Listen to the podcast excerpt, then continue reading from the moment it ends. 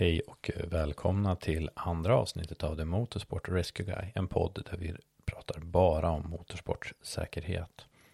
Förra veckan träffade vi Max Lundgren från Mantorp Park.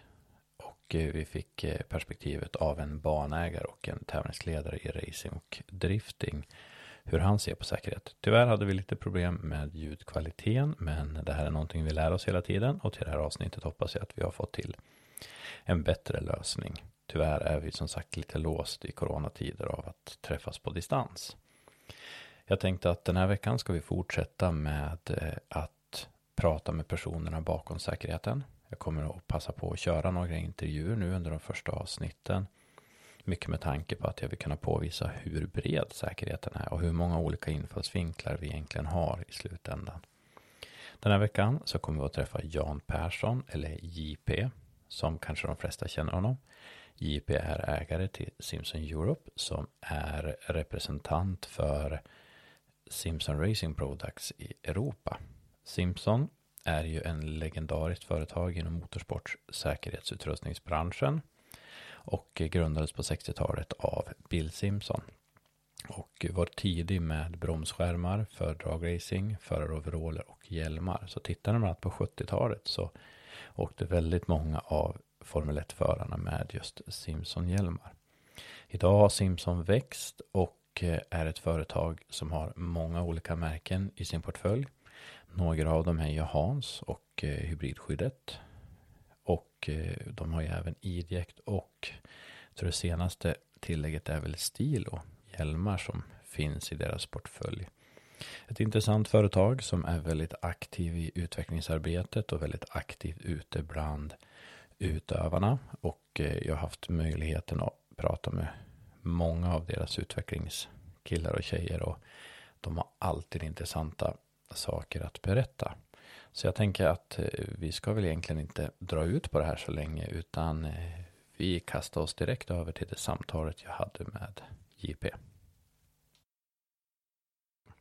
Ja, men hej och välkommen Jan Persson, eller kanske JP är väl det namnet som de flesta känner dig i bilsporten. Mm, så är det. Vad tänkte jag säga? Jag har ju kört en liten kort presentation på dig, men jag tänkte du ska få en möjlighet att göra en egen liten kort presentation om det är någonting jag har glömt. Ja, jag kan väl säga så här att jag eh, har jobbat med personlig säkerhet i 20 år snart. Personlig säkerhet inom bilsport då. Och eh, att jag, eh, jag började med det eftersom jag tyckte det var ganska tråkigt att vara ute på tävlingar och bara sitta och vänta på att köra sitt race. Vill ha någonting att göra tänkte jag, men alla behöver ju skyddsutrustning och sen insåg man det att det här är rätt så komplicerat och började fördjupa mig i det och jag tycker att det är väldigt intressant att bygga kompetens. Sen så tog det väl riktig fart kan jag säga när en kompis kraschade och bröt eh, ryggen. Och han, trots att han hade den bästa säkerhetsutrustning som vi ansåg då och han hade alla förutsättningar att klara sig så eh, kraschade han med sin dragster och eh, bröt ryggen och blev förlamad. Och då börjar man inse det att, eller jag börjar inse det att ja, det är inte bara frågan om att sälja utrustning utan det är faktiskt frågan om att få människorna som använder eller köper utrustningen att använda den på rätt sätt. Och det var väl där ditt och mitt samarbete, Rickard, började och eh, ta form kan man väl säga egentligen. Så att jag har en stark passion för att eh, våra kunder och de vi jobbar med ska faktiskt kunna överleva en krasch. Och nu pratar vi eh, någon gång 2007, 2008 där någon gång, vad tror jag. Ja, det är länge sedan. Ja, det är många år sedan. Mm. Så, så är det, vi fortfarande unga, men ändå var det länge sedan. Vad tänkte jag säga? Men så man kan säga att din roll i motorsportsäkerheten är väl först och främst dels har det ju varit tävlande. Du har ju kört dragracing faktiskt. Det kanske mm. inte, det kanske inte många i andra sportgrenar riktigt som har snappat upp. Men du har ju, du har ju en historik inom stock, superstock. Ja, superstreet, alltså stock, superstock och jag sitter faktiskt med foten på en av mina tävlingsbilar just nu när vi sitter och pratar här. Så att vi håller på, jag håller på med GT-racing också då. Mm. Åker lite ba bana och sådär men även dragracing och det är ju ganska lite tid man kan lägga på det idag känns det som. Och jag är väl inte lika intresserad längre eftersom jag vet inte, allt har sin tid kan man väl säga. Det är väl så. Ja, men eh, i livet. Så det man kan säga nu, just nu är ju din roll att du eh, driver Simpson Europe. Det är väl det som är din största involvering i sporten just nu? Ja, jag driver ett företag och har byggt upp ett varumärke över hela Europa och Ryssland. Och det är Simpson ett amerikanskt varumärke. Eh, men jag har ansvar för att byggt upp det över Europa och Ryssland och sen det som jag har jobbat väldigt mycket med det är det vi kallar Simpson Motorsport Safety Academy. Där vi är ute och, jag, jag reser över hela världen och eh, håller föreläsningar och jobbar med allting ifrån VRC-team till professionella banracing-team. Vi jobbar med Le Mans-team och drifting-team och klubbar, bilsportförbund, ryska, tyska, svenska, norska, eh, brittiska, irländska, amerikanska bilsportförbund så att mm. säga och eh, hjälper dem att förstå ja, egentligen vad som krävs för att eh, medlemmarna i respektive förbund ska överleva en krasch. Jag tycker det är lite och... fascinerande för just, just det här började ju, tror jag var 2009 och eh, första föreläsningen var på ett hotell i Söderhamn och att det har växt till det är faktiskt rätt så fascinerande. Det visar ju att ja, man kan göra skillnad. Ju, ja, man kan göra skillnad, men att det börjar väl egentligen för att du och jag insåg ju det att eh, vårt svenska bilsportförbund hade ett ointresse i att få vad ska man säga, individerna att förstå hur eller varför de skulle använda skyddsutrustning.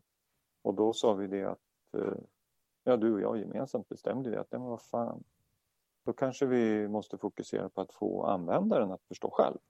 Istället för att övertyga förbundet hur det ska gå så får vi jobba med att träffa varenda licenstagare och det har vi snart gjort. Ja, ja, men det var det jag tyckte var fascinerande på något sätt. För, för upplägget var helt enkelt att vi tog din bil, du stod för soppan, jag stod för hotellrummet och sen åkte vi runt. Och sen ringde vi till klubbarna och sa vi kommer till er. Och det var väl det som ja. var kontrasten mot vad som hade hållits innan när man hade erbjudit ett tillfälle att delta med en avgift för att delta. Och vi gjorde istället så att vi åkte till klubbarna, till klubblokalen, till den stället de tyckte var bra vi skulle vara. Och sen kom vi dit, vi tog ingenting betalt, vi gick in och så pratade och diskuterade säkerhet. Och jag, jag känner ju liksom första vintern, jag tror vi räknade ut att vi hade pratat för 400 stycken från Malmö i söder till Luleå i norr. Så det var ju rätt så stort geografiskt område, då var det ju främst dragracing i början. Men jag tycker mm. ändå, det var ju väldigt intressanta samtal och det var ju en väldigt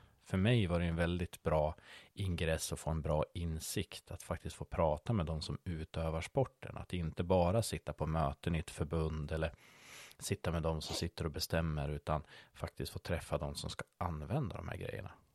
Jo, men det är väl så du och jag har levt också nu. Och alla som vi lever. Nu är det ju corona så nu är det inte lika enkelt. Nu kör man ju distansmöten och så och distans ja, seminarium. Men jag tycker att det var, eh, jag pratade med Toyota förra veckan till exempel. De ropar ju efter mig att komma över till Finland och vara med på, ja, vi har några förare där i deras VRC-team som de vill få att sitta fast på ett bättre sätt och, och, nu går det inte att åka dit. Men alltså nu har vi nått den nivån att ja, världseliten inser det att de kan inte ens.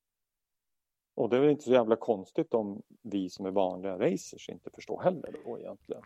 Nej, och jag tycker det är lite fascinerande för vi har ju ändå en bilsport. Vi har ju ändå, jag tror, bilsporten är väl tredje största industrin i England och i USA är den inte särskilt liten heller. Och jag blir så förvånad varje gång jag faktiskt inser att det är ju ingen som riktigt har tagit i den här pucken i, i de stora nationerna som ändå är stora bilsportnationer. Att man har liksom eh, ryckt i det här. Jag vet, jag var och lyssnade på en motsvarande föreläsning som eh, en herre höll för Nascar. Och det var ju i princip en ingenjör som stod och pratade om toleranser. Och sen mm. så efter, efter en halvtimmes prat om grafer och toleranser, då tyckte man nu kan ni det här med säkerhet. Och sen så gick man därifrån. Och det, det var ju liksom, nej, eh, det var någon ingenjör som satt och antecknade, men liksom de andra, jag tror de mer bara gick där för att de var faktiskt tvingade att gå och lyssna på på den här Ja. föreläsningen. Och det är väl det också på något sätt att vi har ju aldrig haft ett tvång att någon måste delta på våra aktiviteter vi har gjort, utan det har ju alltid varit valfrihet. Att folk vill Nej, komma. Jag tycker det är helt galet för nu sist när vi körde liveseminariet här för i januari. Vi körde Safety Academy live på Facebook. Då var det ju, vad var det, 400-500 som tittade live och nu är det väl uppe i 7000 pers som har tittat på den där timmen. Mm. Efter, suttit en timme och tittat på en föreläsning om hur man faktiskt kan överleva en krasch. Och det tycker jag säger en del om att eh, folk är intresserade av att vara säker och att det ska fungera. För när de ändå har köpt skyddsutrustning så är det ju lika bra att de ser till att den fungerar på rätt sätt också. Men om du skulle summera, vad, vad är säkerhet för dig? Om du skulle liksom försöka summera ner det i några korta Jag kan meningar. säga så här, så här är det, att jag har ett djupt personligt engagemang. Alltså nästan så att det är ont ibland. Att se till att de som handlar utrustning ska fan i mig ha så stora förutsättningar som möjligt att överleva en krasch. Det är mig som person, vårt företag som organism eller organisation. Att vi vill att man ska överleva.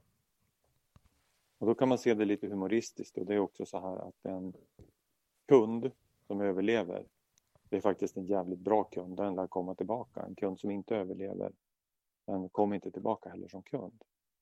Att det finns lite olika sätt att se på det hela, men personligt så är det, eh, jag tycker det att vi som leverantör har ett stort ansvar och det är att om man tror att man köper utrustning som ska göra att man klarar livhanken, då ska vi även hjälpa till så att man har alla förutsättningar att klara livhanken.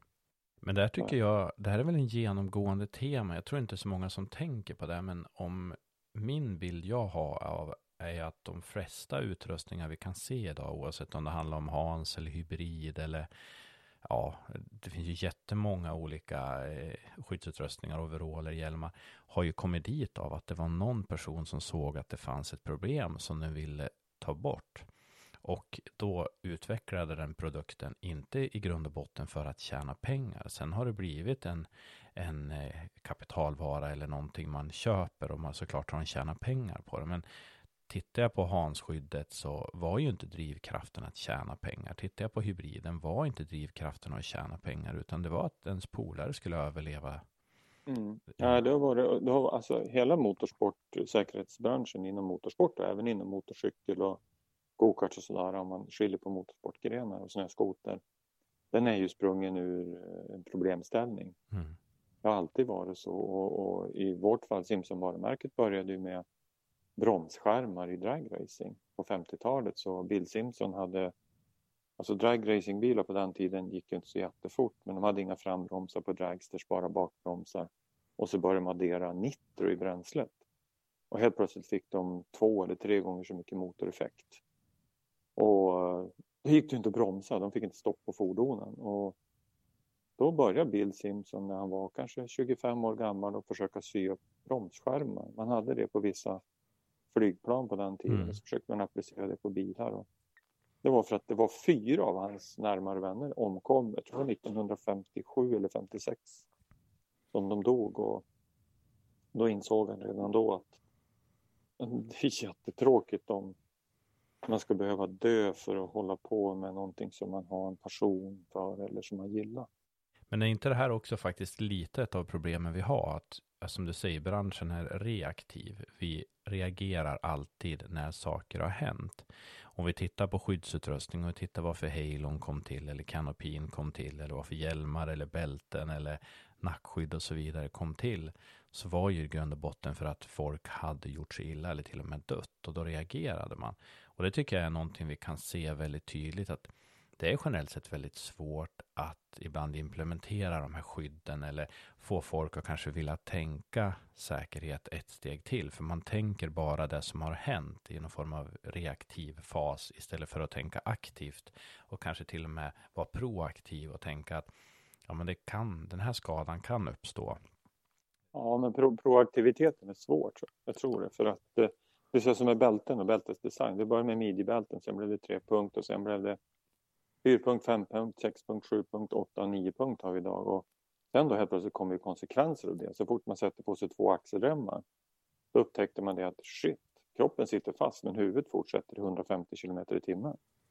Oj, vad gör vi nu då? Det tog ju 20-30 år innan man kom med handskydd. Folk fick bryta nacken år efter år efter år och sen löste man det genom att sätta på dem ett handskydd och så lärde vi oss det att ja, men handskyddet har konsekvenser.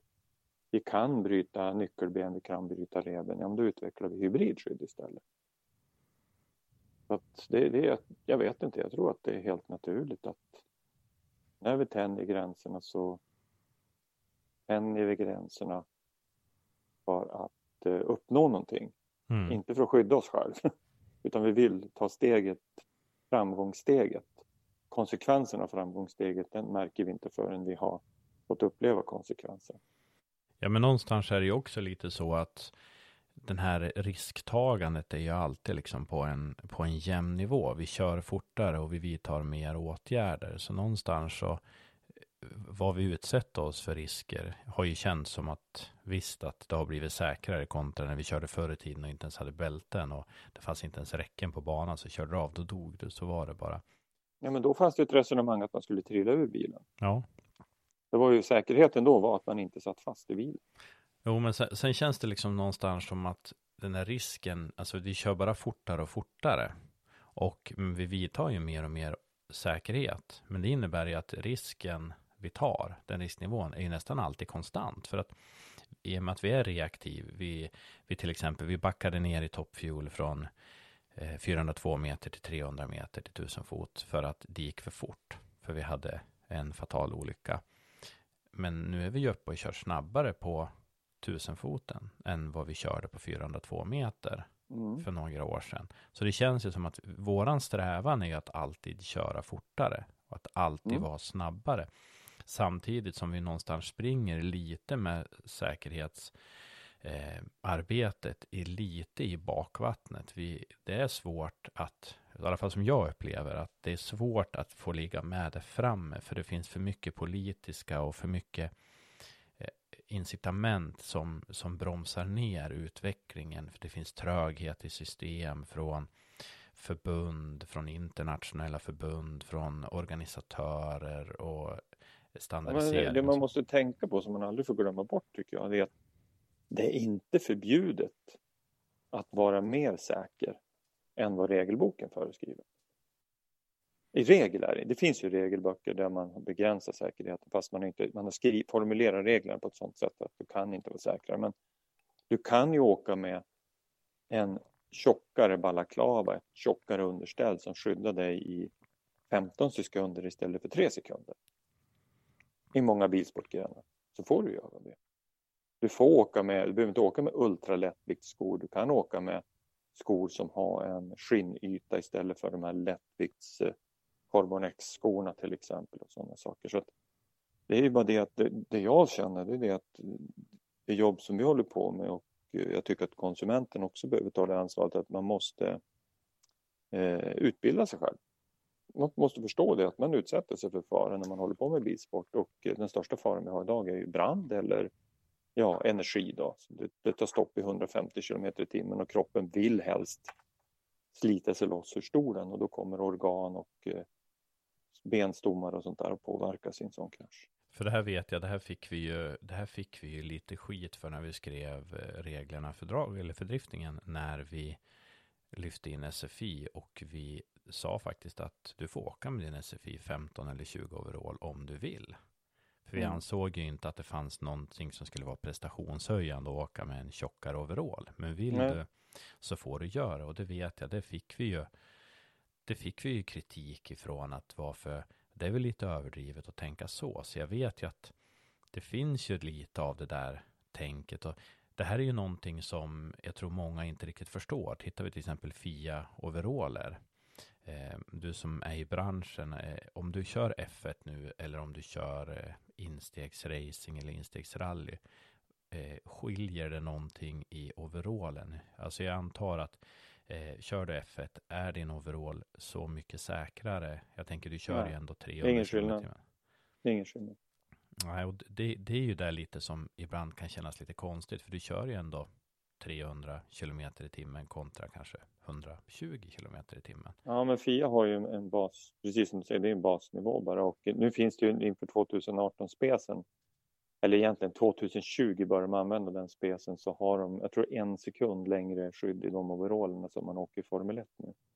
De pratar en sekund, de hinner inte ens stanna. Och det vi såg med Grosjean, kraschen han hade, det var ju bara tur. Alltså folk tillskriver skyddsutrustningen att det var därför han överlevde. Han hade ingen brand i cockpit, det brann inte på honom, det brann bredvid honom och så vidare. Så att hade det brunnit på honom, då hade han varit död. Ja, alltså det, det, jag tänker lite är ju just det att uh, om vi tittar tid, vi tar en Fia overall då, vad pratar vi för, hur många sekunder? Man har ju 9,5 sekund. 9,5 sekunder, då pratar man 1000 grader, öppen låga, 9,5 sekund klarar den mot andra gradens brännskada. Ja, och det är när det börjar bubbla på huden kan man säga. Första ja, graden du kokar loss första ja, yttre skinnlagren. Första graden säger när du börjar få rodnader, så det här är ju liksom mm. riktiga brännskador. Ja, men det där är ju lite fascinerande med tanke på att de ändå kör så fort. Och jag har ju stått och tittat på mässor på de här ultralätta overallerna där du håller upp dem mot ljuset så ser du ju genom overallen i princip. Alltså de är ju så tunn. Ja, men man har gått ifrån dem där. Ultralättvikt nu, det är borta. De får inte använda dem längre för det visar sig det att man utvecklar dem för Formel 1. Allt lätt utvecklas ju för Formel 1 men de är så jävla lätt så att de skadas så lätt. Mm.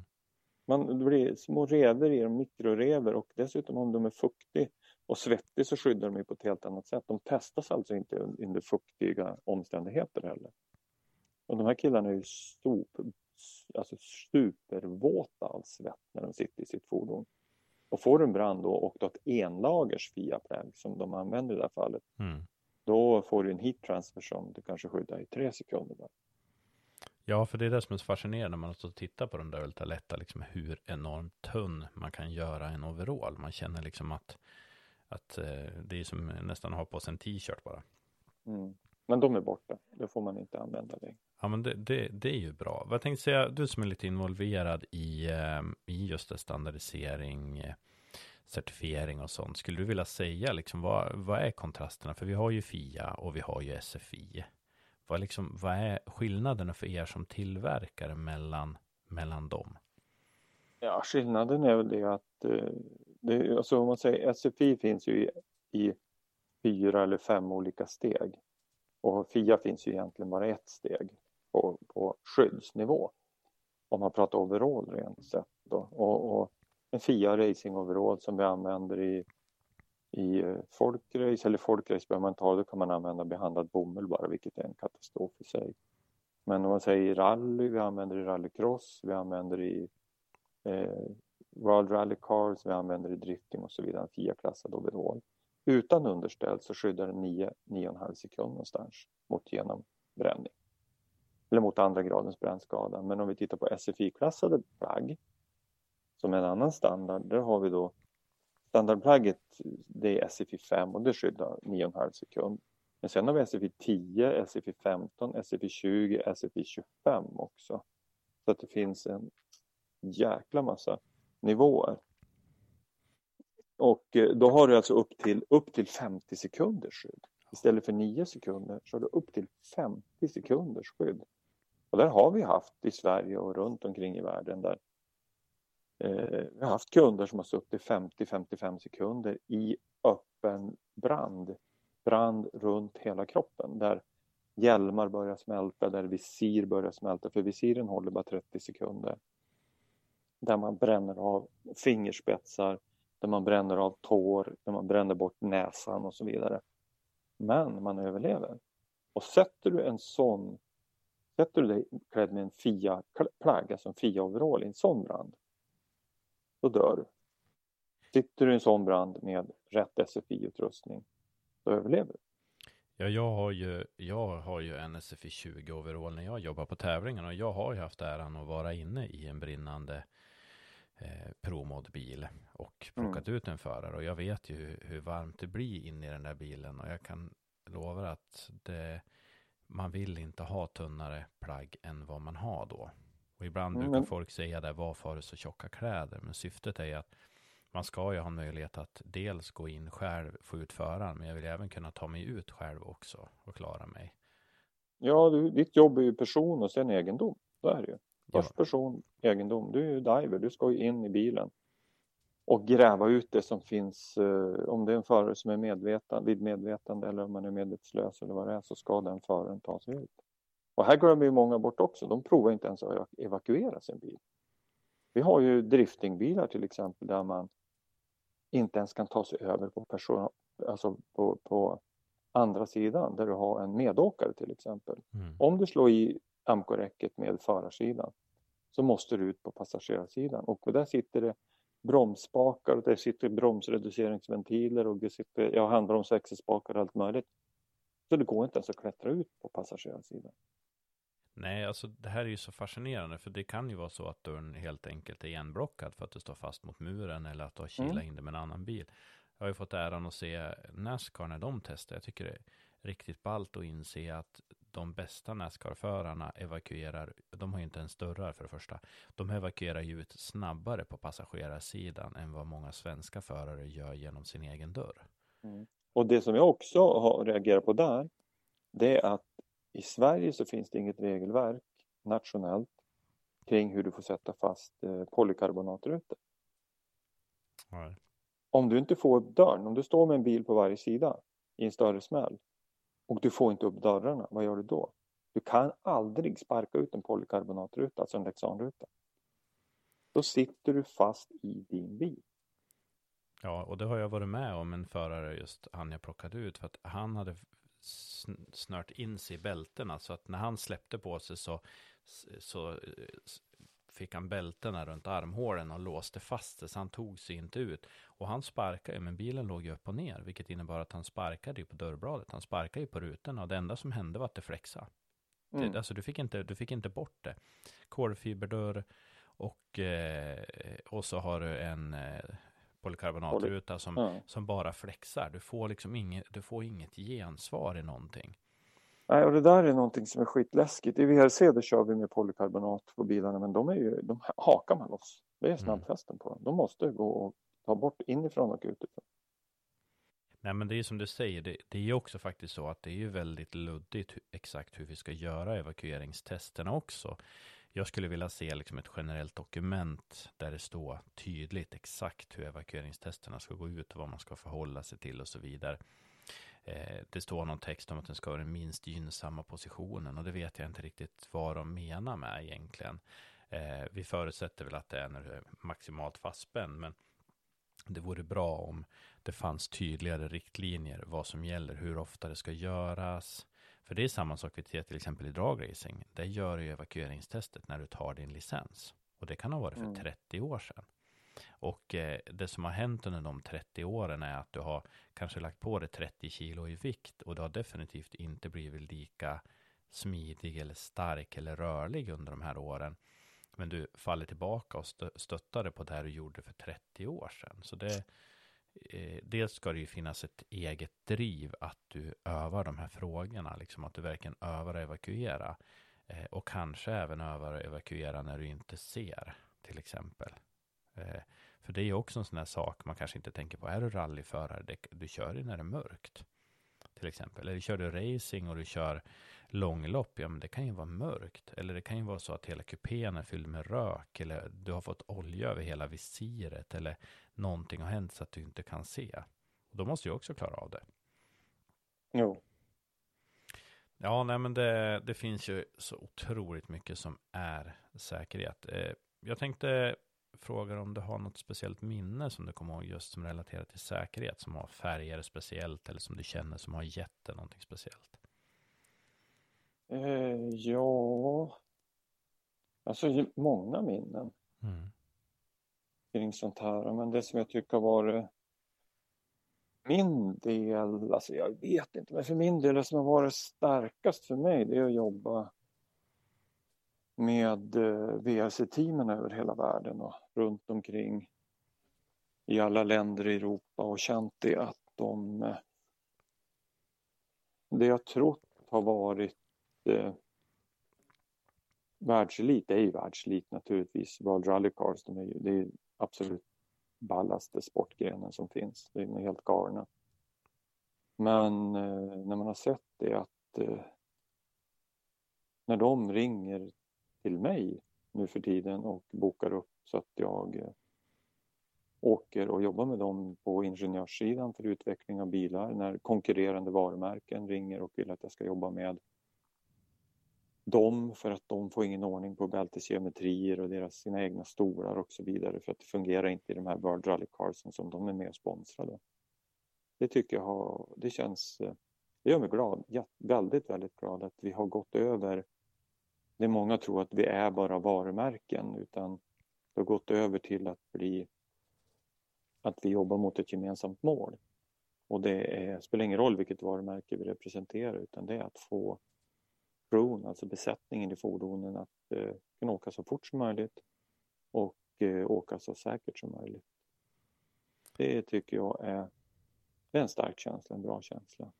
Men är, är det inte lite så, för jag känner lite också när man har varit till exempel på ICMS, att i det forumet, eller i forumet inne i säkerheten, så ser man inte varumärken, man ser inte gränserna på samma sätt, utan drivkraften är någonstans att ändå ta föraren genom ett race och en krasch på ett bra ja, sätt. Ja, tycker jag absolut. Så tycker jag att det är. Vi har ju haft en jävligt konstig debatt här i Sverige. Det finns ju några gamla gubbar som härjar som fan på olika forum och, med, forum och medium och hävda att jag eh, bara tänker på vårt varumärke och du också jobbar med det du gör. Vi har ju fått mycket skit. Men eh, det är nog bara i Sverige det finns den diskussionen och synnerhet då inom rallygrupperingar. Eh, rallygrupperingar med, med gamla gubbar som inte kör längre faktiskt. Så att, någon typ av konstigt beteende tycker jag, där man inte förstår eh, riktigt hur det fungerar ute i världen och vilket syfte man har med personligt skydd. Så. Internationellt ett... är det väldigt avslappnat. Mm, jag brukar ta ett exempel 2018 när vi körde SMRM i drifting. Då hade vi ju krav på nackskydd i SM men inte krav i RM. Utan sen kom det ju krav på det men man tar mm. ju alltid steg. Och då på sista tävlingen ringde en tekniker och frågade, är det inte krav på nackskydd i RM? Nej, nej det är det ju inte. Nej, för en förare här som inte har nackskydd. Och då visade det sig att av 57 förare hade 56 stycken nackskydd. Trots att vi mm. inte hade ett krav på det. Och, mm, det är samma i nationellt rally idag i Sverige, att de mm. flesta åker med det. Trots att man av någon outgrundlig anledning var för feg i, inom förbundet och vek tillbaka på att man skulle ja, ha en tvingande regelskrivning kring att man ska åka med Hans eller hybridskydd. Men hur känner du, hur känner du liksom, nu pratar vi om olika sportgrenar ungefär, hur man applicerbarhet och eh, om man vill följa det eller inte. Hur känner du där då? Känner du liksom att det finns en, vi har en röd tråd när vi pratar de här frågorna genom sportgrenarna? Känner liksom, finns det Eh, finns det liksom bollplank som gör att det är enkelt att få in de här sakerna i reglementen och i verksamheterna? Det tycker jag inte alls utan alltså det, jag jobbar bara med acceptans hos användarna. Jag, jag skiter faktiskt i jag har jättebra relation med förbundet och med SMA och med alla olika organisatörer och så, man säger så. Så att det är inte det utan jag tycker att vi har kommit så långt att det är användarna och den support de får och den direktkontakt vi har med de som bygger bilar och chassin och tävlar själv. Det är där jag tycker att vi, vi tar matchen där istället. Och det, det, det andra får vara, man, som jag säger, man får ju åka med nackskydd om man vill. Det spelar ingen roll om det står i regelboken.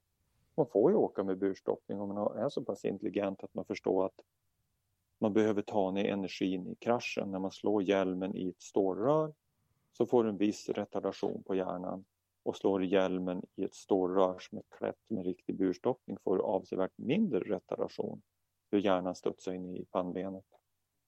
Och kan man räkna ut det själv då vet man det. Att det är klart man sätter burstoppning.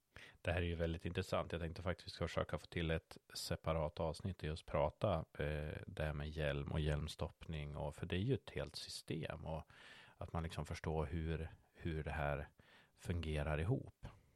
Ja, idag finns det en, en diskussion. Det finns en ja, Christer och några stycken har gjort ett förslag då till Bilsportförbundet där man ska tillåta Fishjälmar och deras standard kommer ju 85 där man ska tillåta eh, gamla SA-hjälmar där man ska tillåta eh, e-hjälmar som kom 85 och 95 i bilsport idag alltså för att de är lättare då. Och eh, det finns en hel del, man ska tillåta ECE-hjälmar till och med så att du ska åka med eh, racingoverall som skyddar, du ska åka med skor, handskar, underställ men du ska ha en hjälm som smälter. Det tar två sekunder för en sån hjälm att börja brinna och smälta i ansiktet. Det finns alltså den typen av diskussion fortfarande i vårt moderna samhälle. Och man hävdar att man måste få köpa de här skithjälmarna eller använda de här hjälmarna som är 30 år gamla för att annars har man inte råd att köra rally. Mm. Och det är, ju, det är ju löjligt, anser jag. Det hänger inte på om du köper en hjälm som du ska använda i 10 år eller om du får använda din 30-åriga hjälm. Den 30-åriga hjälmen gör mest troligtvis att du inte överlever en krasch om du slår, får en sidokrasch, att du slår huvudet i huvud, huvudbågen. Eller om du åker en MC-hjälm som inte ens är avsedd, inte ens testad för att slås i en huvudbåge utan den är testad för friktion och lätta islag i mark. Ja, du ska ju flyga av hojen och sen ska du ju glida ja, helt enkelt. Helt andra testförfaranden. Och det finns fortfarande den typen av diskussioner, vilket jag förstår eftersom förbundet har varit så otroligt handikappade vad det gäller att svara på motioner. Att motivera varför man inte ska använda vissa standarder utan man har ju bara försökt att vara tvingande. Och, och jag tycker att man måste kunna komma med fakta och man måste kunna komma med argumentation kring varför man sätter regler och varför man tar beslut. Ja, men det här är väl någonting, alltså om vi tittar det vi började med med föreläsningar, att dragracingen var väl inte kanske, alltså den var väl det är ändå risker och att folk hade skyddsutrustning. Men jag upplevde till exempel att vi hade ju många av de FIA-teamen som körde EM som till exempel när man köpte en bil så slängde de med begagnade overallen. Så vi hade ju många av våra dragracingstjärnor som hette alla möjliga olika amerikanska namn på sina overaller. För man, man brydde sig inte ens om att skaffa sig sin egen overall. Och idag så ser vi ju liksom att folk tar en måttsydd overall som är anpassad för dem som är fräsch och ny, även långt ner i klasserna faktiskt. Och där, där ska vi, vi ska väl inte slå oss mycket för bröstet, men jag tror ändå vi gjorde en skillnad av att vi faktiskt var ute och pratade. För jag upplever liksom att vandringen gick någonstans att vi var med dem in i rummen och pratade, men när vi gick ut slutade de prata. I nästa steg, då fortsatte de prata när vi gick ut. I steget efter det då pratade de faktiskt själv när vi inte var där och sista steget efter det, då började de till och med prata med sina vänner och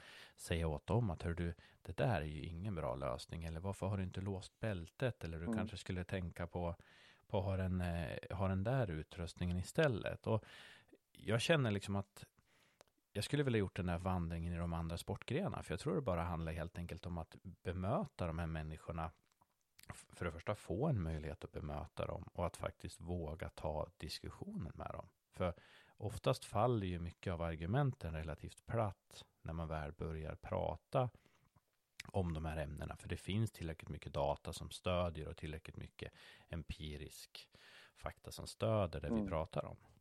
Sen är det ju oftast inte ens en diskussion eller argumentation utan det är bara det att man är van att göra som man har gjort. För att man har fått för sig att man ska göra på ett visst sätt för 20 eller 25 år sedan. Mm. Och sen kliver man in och berättar att ja, men det vi kunde och hade lärt oss för 25 år sedan, det var faktiskt sånt som vi begrep inte bättre.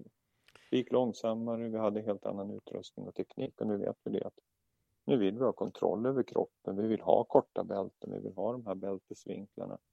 Vi åker med nackskydd tillsammans med den här typen av hjälm för att då vet vi det att du sträcker inte sönder halskotpelaren. Jag pratade med en förare, han sa det rätt så bra. Han sa ju att han hade inte nackskydd och krascha. Han sa det att han hade förlorat mer första månaden på sjukskrivningen än vad nackskyddet kostade för honom. Och den, den herren kraschade för många år sedan nu. Han har fortfarande problem i sin nacke. Jo, det är ett livslångt problem. Det blir ju det. Och det, och det är det jag ser till exempel, vi tar folkrace pratar med många som har kört folkrace länge så har ju många kanske, man har lite problem i nacken eller ryggen eller sådär. Sen att många skyller det på att, du vet, slitage på jobbet eller man hittar ju gärna liksom anledningar när det skulle ha hänt. Men jag tycker det finns ju en otroligt bra video på, som man kan söka på YouTube som heter Hans vs. No Hans, där man ser skillnaden mellan en förare och en kartläsare i en rallybil som eh, kör och kraschar, där man verkligen ser skillnad i den energi man utsätts för om man har ett nackskydd eller inte har ett nackskydd. Så den kan jag faktiskt rekommendera att man gå in och mm. titta på om det är någon gång man känner att nej men det här med nackskydd det var nog ingen bra idé. Eh, så den, den är faktiskt, jag tycker den är otroligt pedagogisk och bra faktiskt. Men eh, vad är det viktigaste du anser om vi skulle försöka skapa en bättre säkerhet? Vad, vad gör en säkrare sport? Vad är, vad är det viktigaste vi skulle kunna jobba med just nu? Ja, jag tycker fortfarande att det viktigaste och det största vi har, alltså jag tycker att den teknik vi har, de produkter som finns och det tänk som finns, där är vi ganska bra ute. Det finns vissa saker som man behöver jobba med, till exempel stolar, stolsutformning och anatomier. Om, Och, det passar inte med modern människa och moderna nackskydd. Men det vi behöver jobba med det är utbildning. Få folk att förstå hur de ska använda sin utrustning. Det, det är som det är allt. Köp en mobiltelefon, du vet ju inte hur mobiltelefonen funkar för det. Du måste lära dig hur en mobiltelefon funkar om du är så helt novis på dem. Det är som med allt, datorer och allting. Och det är samma med personlig skyddsutrustning. Det räcker inte att man skriver i en regelbok att du ska ha 1088 58 2010 nackskydd. Det ska vara 88 59 2015 hjälmar. Det ska vara si underställ, så eh, overall, sådana skor. Och sen sån stol. Ja, men hur fan ska jag välja det då? Hur, hur lång rygg ska det vara? Hur ska bältena vara infastna i fordonet? Hur ska jag justera in remmarna för att det ska skydda min nacke? Ska jag sitta som en del gör jätte, jättekorta remmar så att jag inte ser ens i backspeglarna och blir livsfarlig på banan? Eller ska jag kunna röra mig lite grann? Alltså, utbildning. Ja, men jag har ju sett folk haft jättekonstiga vinklar på bältena. Bältena varit olåst och dessutom har man haft handskyddet liggande ovanpå.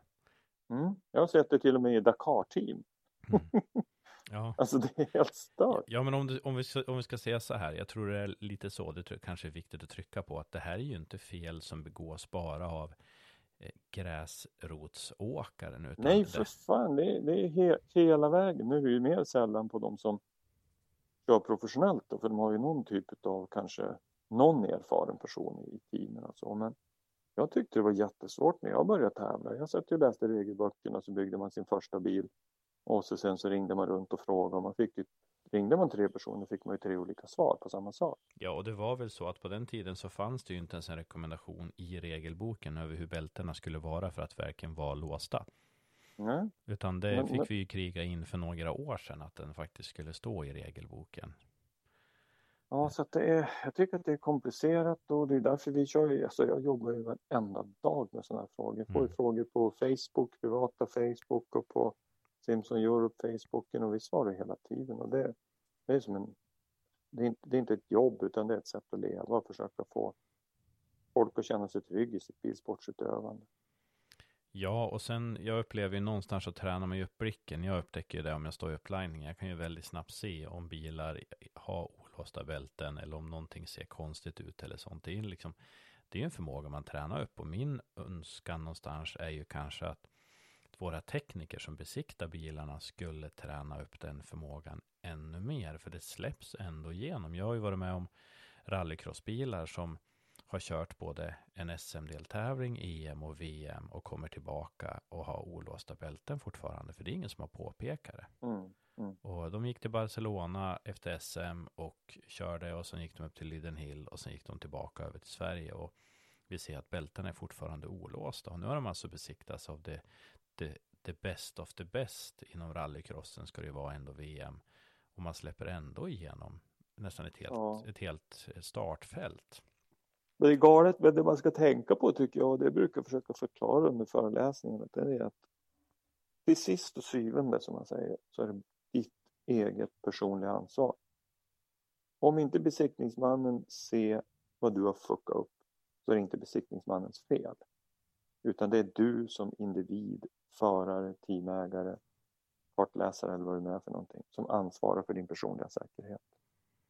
Det besiktningsmannen i huvudsak tittar på det är att du har rätt homologering. Det är egentligen nästan det enda de är utbildade till att göra. Att du har rätt siffror på din utrustning. Sen om du tar på overallen ut och in eller om du har skit i overall, det är inte deras ansvar. Eller om du inte vet hur bältet ska ligga över ditt hans eller hybridskydd. Eller som en del gör, inte ens koppla ihop hybridskyddet med hjälmen. det är bara dumhet. Eller som vissa gör, besikta med viss utrustning och kör med annan. Eh, Ja. har, har vi också stött på på tävlingar. Man vill inte ha lika tjocka handskar eller man till och med glömde handskarna så man lånar, man lånar polarens handskar och besikta med och sen så hoppas man att det går ändå. Jo. Och det, det känns ju som, det ju, i slutändan är det ju, det är ju man, man lurar ju bara sig själv. Ja, men man ska se sig själv i spegeln den dagen efter kraschen också. Men det är lite som på jobbet. Jag har ju aldrig kommit i mitt jobb som brandman. Jag har aldrig kommit hem till någon av brunnor och har sagt att vilken enorm otur att jag köpte en släckare. Och de har lyckats släcka det. Eller vilken enorm otur att jag hade en brandvarnare som larma. Däremot så är det ju åt andra hållet. Oj, kanske skulle ha haft det. Då hade vi upptäckt det där. Eller oj, tänk om vi hade Ja. haft en släckare där. Och det känns ju lite samma sak här. att när du väl kraschar så tror jag inte att det är så många som klagar på skyddsutrustningen. Eller om du brinner riktigt så kommer du inte att klaga på att du har blivit räddad av din utrustning. Sen kan det, sen kan det vara surt och dyrt. Det är ju som en försäkring eller med vad än du köper som är liksom skydd. Ja, det känns dyrt och det känns onödigt och varför ska jag ha det? Men den dagen jag behöver använda det, då är det ju rätt så bra att det faktiskt fungerar. Och på det sättet är väl säkerhet kanske har varit lite mossigt och tråkigt. Men jag upplever ju liksom, om vi tittar nu till exempel hybrid och så vidare.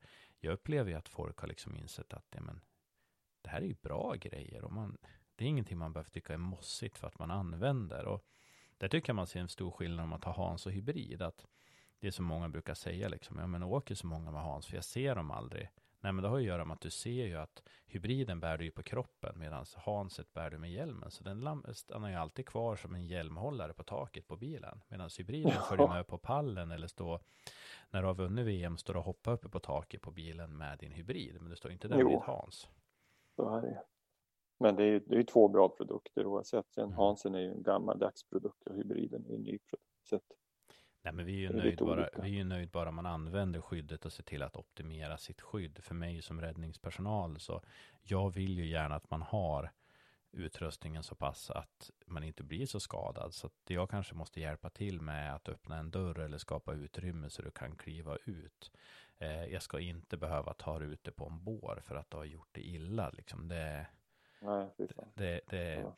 det, är rätt, det är rätt så bra. Eh, Men om vi säger så här då, vad skulle du vilja lära dig mer om motorsportsäkerhet? Finns det någonting du känner, det där skulle jag väl liksom nörda ner mig lite mer eller få djupare kunskap på, som kanske inte är det du håller på med varje dag? Jag vet inte, fan jag lever ju och blöder det här varenda dag. Alltså det, jag skiter i motorsportsäkerhet.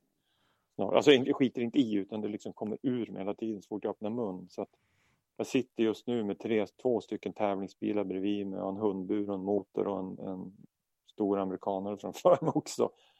Så att jag menar, det, det, vi har shop och vi har folk som ringer hela tiden. Så att det som, en, enda som jag egentligen är superintresserad av just nu, det är biomekanik.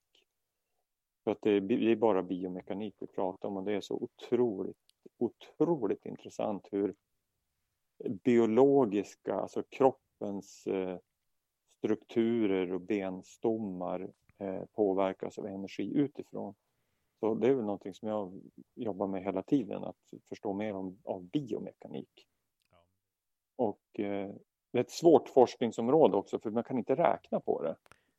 det inte, vi går inte, alltså, material har vi kompetens om men alla människor har olika typer av materialstruktur och materialegenskaper kan man säga i sin egen kropp.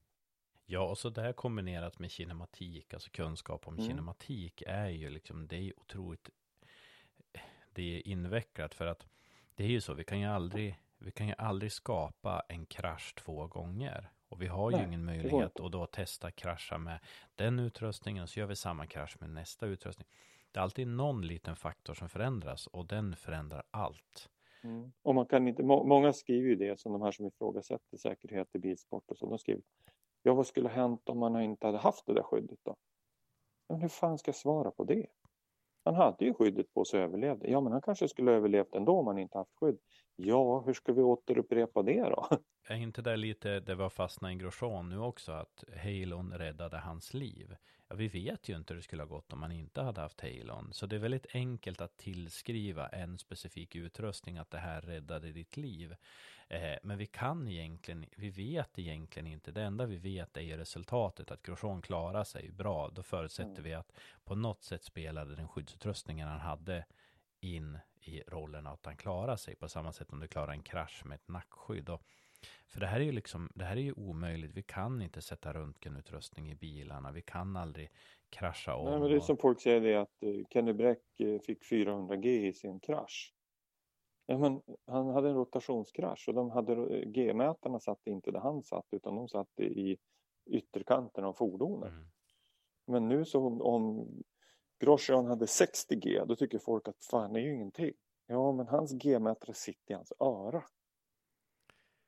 Det är hans kropp som utsätts för G-kraft. Alltså, folk förstår inte riktigt vad vi pratar om och 60G är väl inget jättemycket. Det testar vi väl nästan allting idag så att det var väl ingen hård krasch i hans fall. Men där var det ju branden som var. Nej, men det är ju alla element tillsammans som skapade liksom det scenariot. Och, mm. och det är där någonstans jag känner ändå med det här. Alltså vi tittar som du säger biomekanik, kinematik, eh, rörelse, energi, eh, hur vi kan liksom stoppa kroppen, vad händer? det här är ju, det är jätteinvecklat. Vi har ju liksom ingenjörer som kommer och pratar om sånt här som inte sitter och gör något annat än att forskar hela dagarna. Mm. Jag vet ju, det är väl ett universitet som har lyckats gjort en docka där man kan simulera belastningen på nacken. Men den ger ju väldigt statiska resultat. Alltså du kan ju ändå göra jämförelser och se ungefär att ja, men det använder idjekt. Ja, men det är ju hybrid 3 använder vi. Vad sa du? Ja. Hybrid 3 används ju. Ja, men de har ju, de har ju byggt på liksom en konstgjord nacke på den då som mm. är mätbar. Men det intressanta där, det är ju bara det att resultaten är ju inte applicerbara på människor ändå, för de är ju statiska. Det är ju ändå metall mm. som sitter där inne och så vidare. Du kan se skillnader. Men vi kan aldrig säga att ja, men nu simulerar vi hans krasch igen. För att kroppen går inte att simulera med en krockdocka. Till och med Toyota som har gjort den här samstockan som ska vara så enormt avancerad, inte ens den kan ju ge riktigt realistisk data. Mm. För att kroppen är så enormt komplex. Att, nej, det är ett jätteintressant ämne faktiskt. Det... Men, men, det är just därför jag tycker biomek... Jag är ju, jag är ju mekanisk, alltså, mekanisk ingenjör i grunden. Så att jag har, jag, jag, mekanik är ett stort intresse för mig. Och biomekanik tycker jag är fan, det är så jävla spännande. Och tills man nu då under de här åren har insett att det är precis det jag jobbar med, biomekanik. Det är bara allt personligt skydd i en bil, du sitter fastspänd i bälten, du använder stol och du utsätts för, utsätts för höga energier. Det är biomekanik för att överleva. Måste ha kontroll över den biomekaniska processen, händelserna i kroppen. Ja, även fast inte vi får en eh, bachelors degree i biomekanik så känns det som att när man är involverad i sporten så man lär sig otroligt mycket och väldigt mm. breda ämnen och ibland väldigt även nischade ämnen får man liksom insikter i och lägga pusslerna emellan och det är det här jag tycker är lite fränt. Sen, sen har jag också sett någonting som också är jävligt intressant. Det är att eh, det är därför vi, eller jag ropas in till en del olika team vid olika tillfällen runt här. Och det är för att de har insett det att när var kontroll över biomekaniken, hur kroppen rör sig i fordonet under olika G-krafter, då blir föraren snabbare och mer avslappnad. Mm. Lägre puls, långsammare andning, sitter fast, senare bromspunkter, mer kontroll under inbromsningen. Det är det de har börjat inse också, att satan blir snabbare när du har koll över stol, inpassning, custom design av seat inserts, rätt bältesvinklar, hybridskydd rätt installerat och monterat och justerat. Men är inte det en av de bästa infallsvinklarna faktiskt för att få folk att implementera med skydd? Förklara. Men... Ja, team och förare är det lättast för om man pratar med familjen och då, då, tycker de att det är jättebra att de överlever Ja, alltså min, min erfarenhet är så här att man ska prata med farsan till den här föraren eller med föraren och säga men det här blir det snabbare. Och ja. vill, man, vill man gå på säkerhetsaspekten då ska man gå till mamman och förklara att vet att din son eller din dotter kommer att klara kraschen om de har den här utrustningen, då köper man det. Alltså nå, någonstans, någonstans är det lite så i, och jag tror det är lite så, alltså den, alltså motorsporten är ju väldigt maskulint driven. Det är ju väldigt mycket det här, alltså prestanda, gå fortare, vinna. Men säkerhet är ju någonstans även väldigt mjuka värden. Alltså, vi ska mixa in i det här och det är där jag tror ibland det är svårt att få in det och få folk att vilja prata om de mjuka värdena. För mycket, det är mycket ingenjörer, det är mycket liksom konstruktörer, de är vana att sitta och räkna och kalkylera och allt det. Så man märker att man får sitta och prata ett tag med dem innan de börjar titta på den andra aspekten. Ja, men på yttersta nivån, toppnivån idag, så har man faktiskt fått eh, vi har både i eh, LMP-bilar och vi har i World Rally Cars och några andra klassgrenar så jobbar man alltså väldigt bra kompetens kring, man har bra kompetens kring biomekaniken också. Men, men det är ganska nyligen det börjar bli så. Vi ser fortfarande där man gör konstruktioner som man undrar hur fan de tänkt här? Och där det inte finns något biomekaniskt tänkande alls, vad som händer med kroppen. Ja, men det är, jätte, det är jättefascinerande, måste vi, kolla, måste vi kolla vidare på. Det måste vi nörda ner oss lite på. Eh, om man nu vill se vad du är ute och pysslar med, vad, eh, vart kan man då se det? Jag antar till exempel kanske Simpson Europe finns på Instagram och Facebook, va? Ja, det finns både på Instagram och Facebook och många, om, om man vill komma i kontakt med mig personligen så är det Jan Persson med PH på Facebook och på Instagram också. Men Instagram-kontot är väl lite mer privat. Men Facebook, mitt Facebook-konto är ju, där kör jag ju support och allting också. Så att det är bara mig.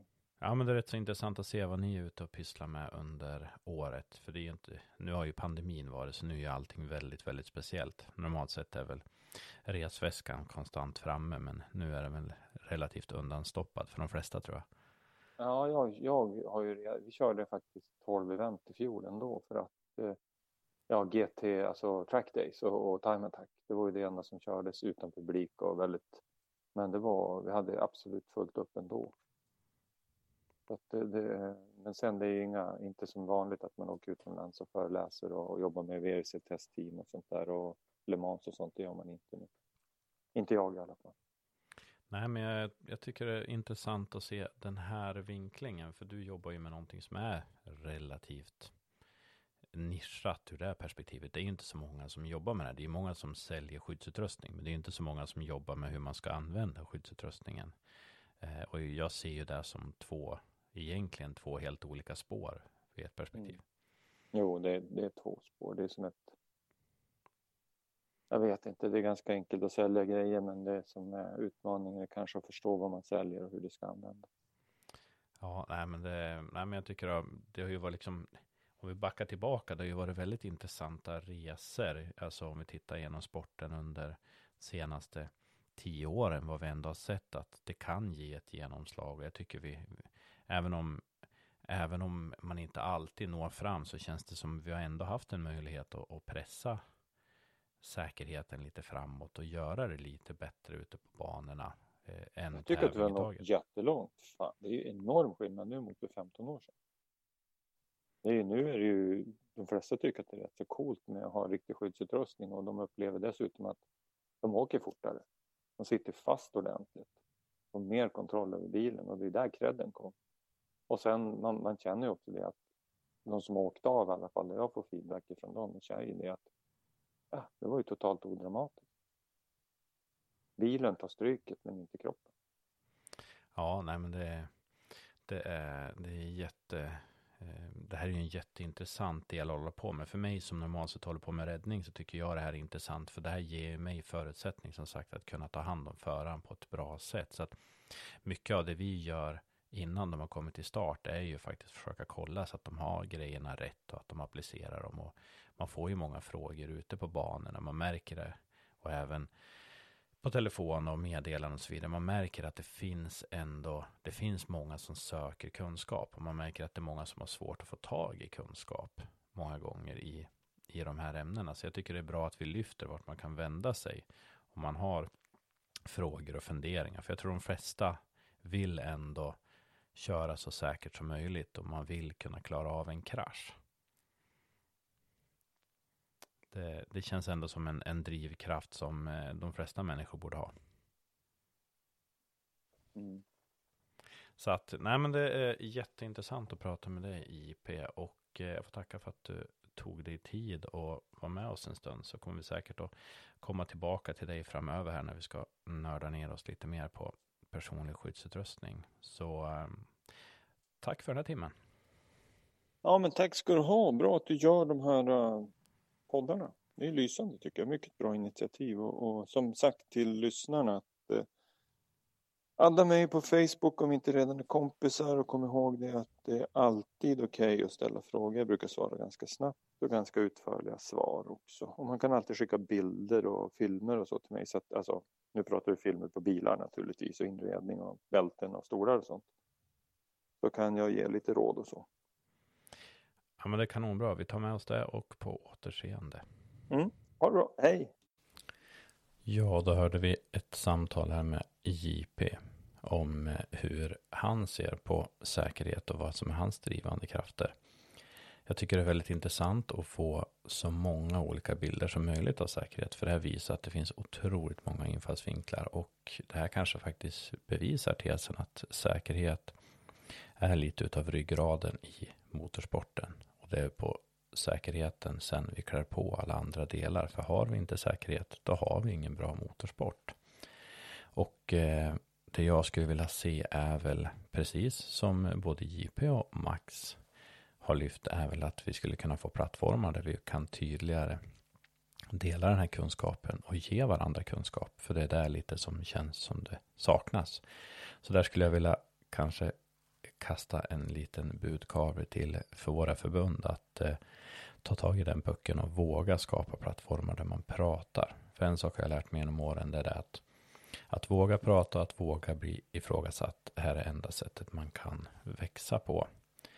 Jag kommer att fortsätta den här eh, intervjuinslaget eh, eh, lite längre här i början. Så vi kommer att sikta på några intervjuer för att vi ska få se lite hur mångfacetterad bilden är över säkerheten. Vi kommer också försöka värva in lite faktainslag och diskussionsinslag i det här också. Och som sagt målsättningen, ett avsnitt i veckan och vi släpps på tisdagar. Vi eh, kommer sagt, så sakteliga att eh, komma upp på fler och fler poddspelare, men det tar en stund innan man registreras uppenbarligen. Och eh, jag vill bara tacka för intresset som har varit för första veckans avsnitt. Det var faktiskt riktigt roligt att se att det var så pass många som har lyssnat. Jag hoppas att ni tar möjligheten att prenumerera och att verkligen följa det vi pratar om. Såklart så vill jag ha en delaktighet. Har ni tips, idéer eller frågor vad vi ska göra i kommande avsnitt eller har ni intressanta personer ni tycker vi skulle prata med så skicka gärna ett meddelande på våra sociala kanaler. På The Motorsport Rescue Guy på Facebook och Instagram. Och är det så att ni vill vara med och stötta och göra podden ännu bättre så skicka ett meddelande där så ska vi kolla vad vi kan ha för lösningar.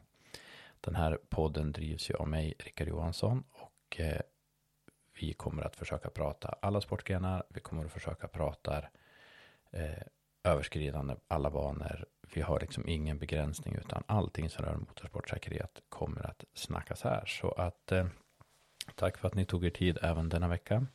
Så laddar vi för ännu en bra vecka och sen så syns vi nästa vecka. Så eh, ta det säkert så hörs vi.